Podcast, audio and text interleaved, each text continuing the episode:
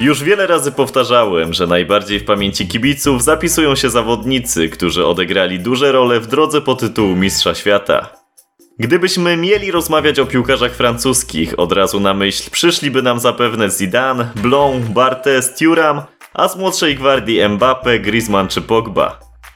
Oprócz tego Platini, bo jest jednym z najlepszych piłkarzy w historii, a poza tym mocno przypomniał o sobie po karierze, pełniąc stanowisko prezydenta UEFA.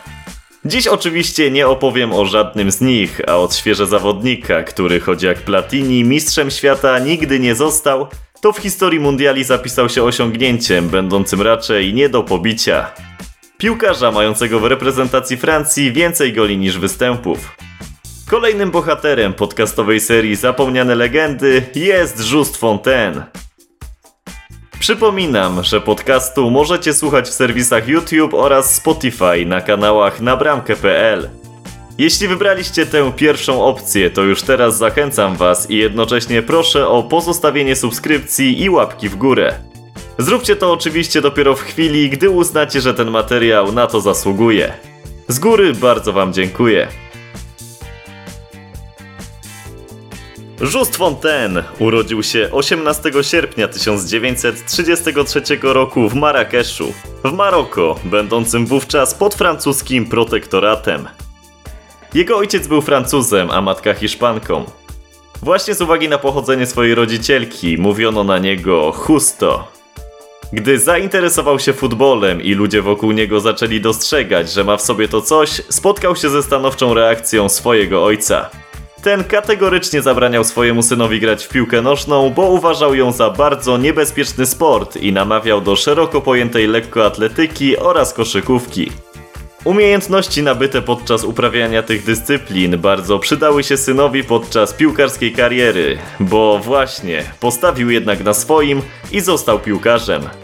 Zaczął od treningów w młodzieżowych drużynach z Marrakeszu, a jego pierwszym oficjalnym klubem był nieistniejący już Union Sportive Marocain du Casablanca, w którym występował w latach 1950-1953. Później przeniósł się do Nicei, gdzie również zakotwiczył na 3 lata. Jeśli jego pobyt na lazurowym wybrzeżu porównalibyśmy do tortu, to słodką wisienką na jego szczycie z pewnością nazwalibyśmy Mistrzostwo Francji wywalczone w 1956 roku.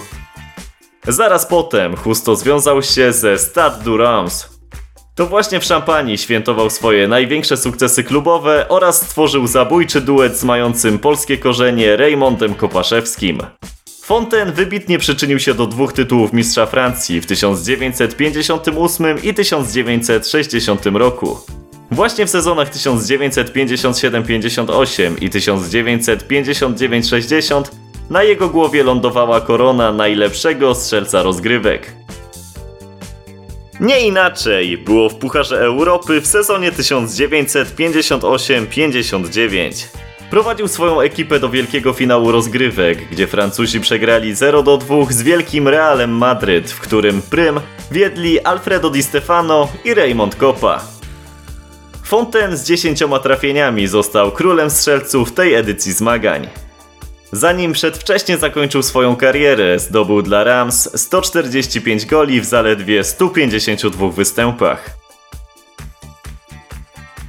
To jednak nie na sukcesach klubowych, a na wyczynach reprezentacyjnych chce się skupić przedstawiając biografię Fontena. W reprezentacji Francji zadebiutował 17 grudnia 1953 roku w starciu przeciwko Luksemburgowi na Parc des Princes w Paryżu. Trójkolorowi wygrali aż 8 do 0, a nasz bohater popisał się hat-trickiem. Dwudziestolatek pomyślał sobie wtedy zapewne, że doskonale wywiązał się ze swojego zadania i że kolejne powołania do kadry narodowej są tylko formalnością. Zgoła inne myśli kotłowały się jednak w głowach selekcjonerów. Dziś ciężko to pojąć, ale w składzie na mecz z Luksemburgiem, rozegranym w ramach eliminacji do Mistrzostw Świata 1954, znalazło się 11 debiutantów. Czterech z nich już nigdy później nie założyło reprezentacyjnej koszulki, a Fontaine na swoją kolejną szansę czekał niemal 3 lata. Do 11 listopada 1956 roku. Wystąpił w wygranym 6 do 3 starciu przeciwko Belgii. Siedem miesięcy później zaliczył 90 minut w przegranym 0-2 towarzyskim spotkaniu z mocną jedenastką reprezentacji Węgier. W końcu nadszedł rok 1958. Bardzo ważny dla światowej piłki, bo w czerwcu w Szwecji odbywały się Mistrzostwa Świata. Do ich rozpoczęcia w marcu i kwietniu Fonten zanotował dwa kolejne występy w narodowych barwach. Pięć meczów i cztery gole. Właśnie tak prezentowały się jego reprezentacyjne statystyki przed ogłoszeniem powołań na turniej. Oprócz tego, jak wspomniałem wcześniej, był świeżo upieczonym mistrzem Francji oraz zdecydowanie najlepszym snajperem spośród ligowców. Po koronę króla strzelców sięgnął mając na koncie aż 34 trafienia.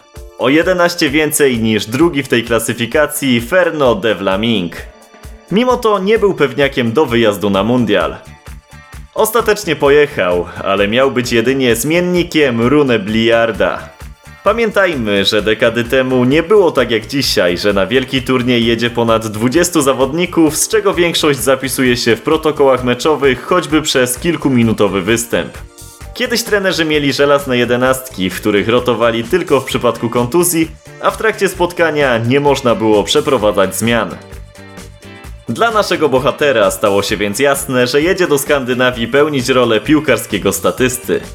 W związku z tym postanowił korzystać z bogatych walorów naturalnych Szwecji i łączyć je ze swoim hobby, zatem zabrał ze sobą wędkę. Piłka jest jednak przewrotna.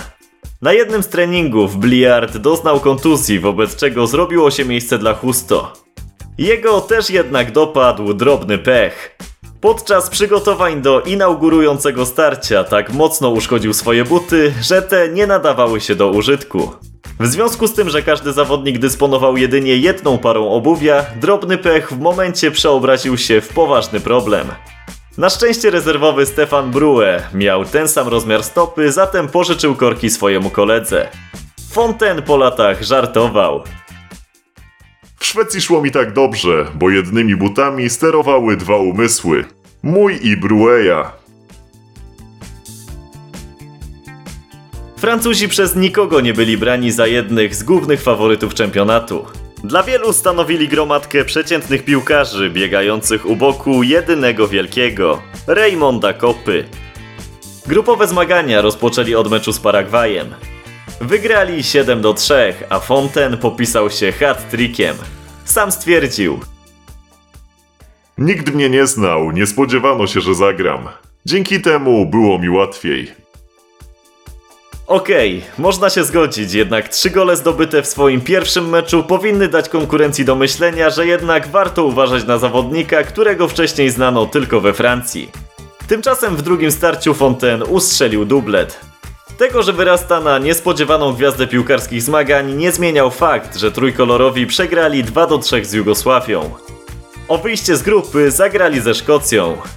Wygrali 2 do 1 i chyba nie muszę mówić, kto zdobył jedną z bramek. Ćwierćfinał przeciwko Irlandii Północnej był jednostronnym widowiskiem. Zwycięstwo 4 do 0 zapewniło Francji przepustkę do najlepszej czwórki turnieju, a Fontaine dopisał do swojego dorobku dwa kolejne trafienia. Starcie o wielki finał zapowiadało się wręcz smakowicie.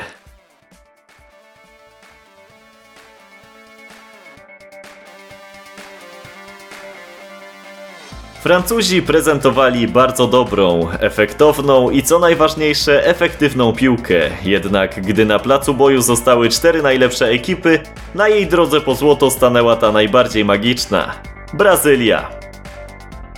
Canarinos nigdy wcześniej nie mieli tak dobrej drużyny jak właśnie w 1958 roku. W całym bogatym gwiazdozbiorze trenera Vicence Feoli najjaśniej świeciły gwiazdy młodych gniewnych Pelego i Garinczy. Już w drugiej minucie przybyszy z Ameryki Południowej na prowadzenie wyprowadził Wawa, jednak na jego trafienie szybko odpowiedział Fontaine. Minęło pół godziny gry, gdy po raz drugi na listę strzelców wpisał się Wawa, a 180 sekund później ten sam zawodnik wszedł bezpardonowo w nogi swojego rywala, Roberta Jonque. Uraz okazał się tak bolesny i tak dotkliwy, że defensor nie był w stanie podnieść się z murawy. Przypominam, że jesteśmy w czasach, gdy zmiany podczas meczu były niedozwolone, zatem w przerwie otrzymał zastrzyk z silnym lekiem przeciwbólowym i drugą połowę przestał. Dosłownie przestał, cierpiąc przy linii bocznej od jej wewnętrznej strony. Okazało się, że miał złamaną kość strzałkową. Grający zatem na dobrą sprawę w dziesiątkę Francuzi nie byli w stanie przeciwstawić się sile Brazylijczyków. Finalnie przegrali 2 do 5 i przed powrotem do kraju mieli stoczyć bój o trzecie miejsce.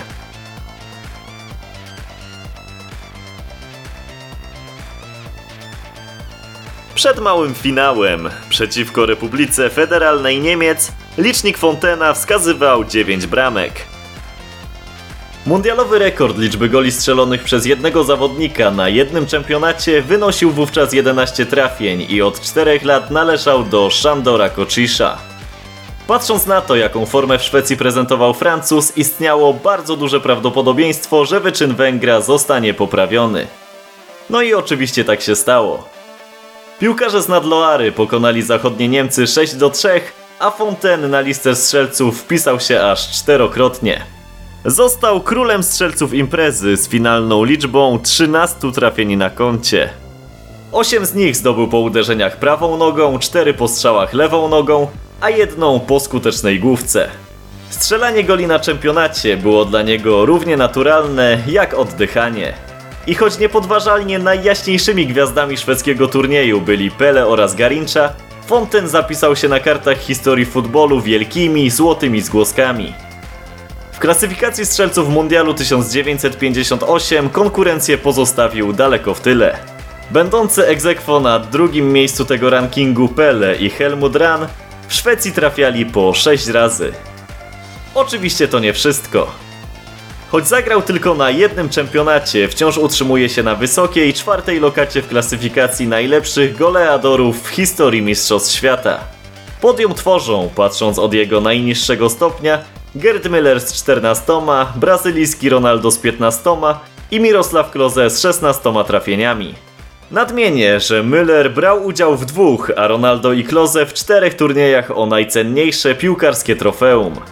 Fontaine na czempionacie w 1958 roku w sześciu rozegranych meczach oddał zaledwie 18 strzałów. Aż po 13 z nich piłka znalazła drogę do siatki. Dwa razy trafiła w poprzeczkę. O tym, dlaczego Francuz nie wziął udziału w kolejnych mundialach, dowiecie się za kilka minut. Teraz podkreślę, że w Szwecji bicie rekordu nie stało się jego obsesją. W 27 minucie wspomnianego już starcia o trzecie miejsce przeciwko RFN Francuzom został przyznany rzut karny. W tym czasie było 1 do 1, a nasz bohater legitymował się 10 turniejowymi trafieniami. Zapewne zgodzimy się, że logika nakazuje, by to on wykonywał jedenastkę. Przecież w przypadku jej wykorzystania zrównałby się z dorobkiem Kocisza sprzed 4 lat. Mimo to nie podszedł do wapna, zostawił piłkę Raymondowi Kopie. Jak już wiecie, w dalszej części meczu z nawiązką pobił rekord Węgra. W internecie bardzo łatwo znaleźć wszystkie jego trafienia z Mundialu 1958. Uwagę zwracają przede wszystkim jego przyspieszenie i szybkość, dzięki którym łatwo uciekał swoim rywalom oraz szeroki repertuar wykańczania dogodnych sytuacji. Po mundialu w klubie nadal nie zawodził i prezentował znakomitą skuteczność. Już wcześniej powiedziałem, że w 1959 roku prowadził Stade de Reims do finału Pucharu Europy, a rok później po Mistrzostwo Francji.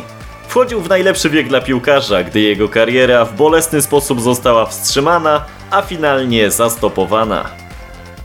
Podczas meczu z Sochaux w 1960 roku atak rywala okazał się tak bezpardonowy, że lewa noga Husto została złamana w dwóch miejscach.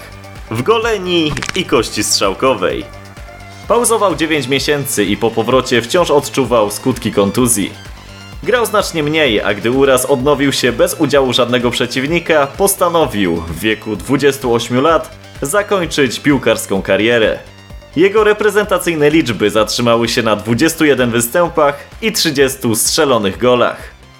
Po latach Raymond Kopa powiedział: Husto był napastnikiem, który najlepiej pasował do mojego stylu gry. Dokładnie wiedział co robię i mogłem być pewien, że znajdę go na końcu jednego z moich dryblingów. Fontaine miał na siebie plan po przedwczesnym zakończeniu kariery.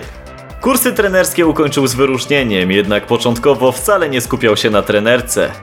W listopadzie 1961 roku wraz z kameruńskim piłkarzem Eugenem Njolią oraz prawnikiem Jacquesem Bertrand założyli francuski Związek Zawodowych Piłkarzy.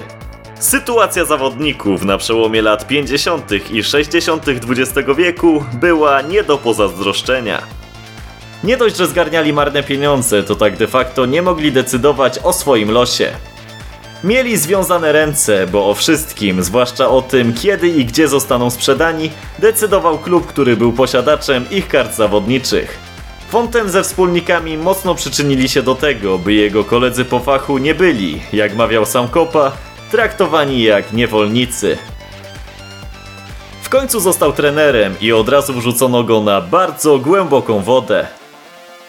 W 1967 roku wpływowy miliarder Jean-Baptiste Dumanc, komunista, który dorobił się majątku na transakcjach z Rosją, wymusił na francuskim związku piłkarskim, by stery pierwszej reprezentacji Francji przejął właśnie Just Fontaine. Włodarze przystali na to z ogromną niechęcią, bo nie byli jego fanami. Nie podobała im się wciąż ogromna popularność byłego napastnika, jego cięty język oraz opisywanie otaczającego go świata tak, jak wygląda. Na stanowisku utrzymał się zatem tylko na dwa mecze. Oba przegrane, 1 do 2 z Rumunią oraz 2 do 4 ze Związkiem Radzieckim. Porażki były dla związku dobrym argumentem, by zwolnić trenera. Mówiło się zresztą, że zawodnicy byli namawiani przez działaczy do przegrania tych spotkań.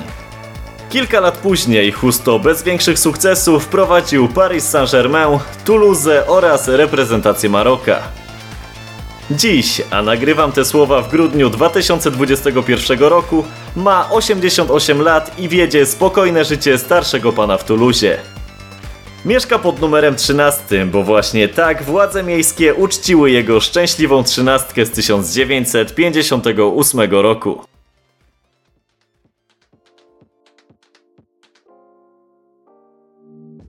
Czasami porównujemy dzisiejszą piłkę nożną do piłki sprzed kilkudziesięciu lat. Patrząc jak bardzo futbol ewoluował na przestrzeni kilku dekad, nie ma sensu zastanawiać się, czy na przykład Brazylia Neymara pokonałaby Brazylię Pelego i Garinczy. Różnic jest tak wiele, że na dobrą sprawę można stwierdzić, że dzisiejsi piłkarze uprawiają zgoła inną dyscyplinę sportu niż ich wielcy poprzednicy. Kilkadziesiąt lat temu w meczach padało znacznie więcej goli, wobec czego możemy mieć mylne wrażenie, że wówczas o indywidualne osiągnięcia strzeleckie było znacznie łatwiej. Po Mundialu 2002 sam Fontaine zaprzeczył temu stwierdzeniu, mówiąc Kiedyś wszystko było znacznie bardziej skomplikowane niż dzisiaj. Problemy z dojazdami na mecze, ba, sama długość tych podróży robiła swoje. Do tego wszechobecna amatorszczyzna organizacyjna. W Szwecji nie miałem przecież nawet własnych butów.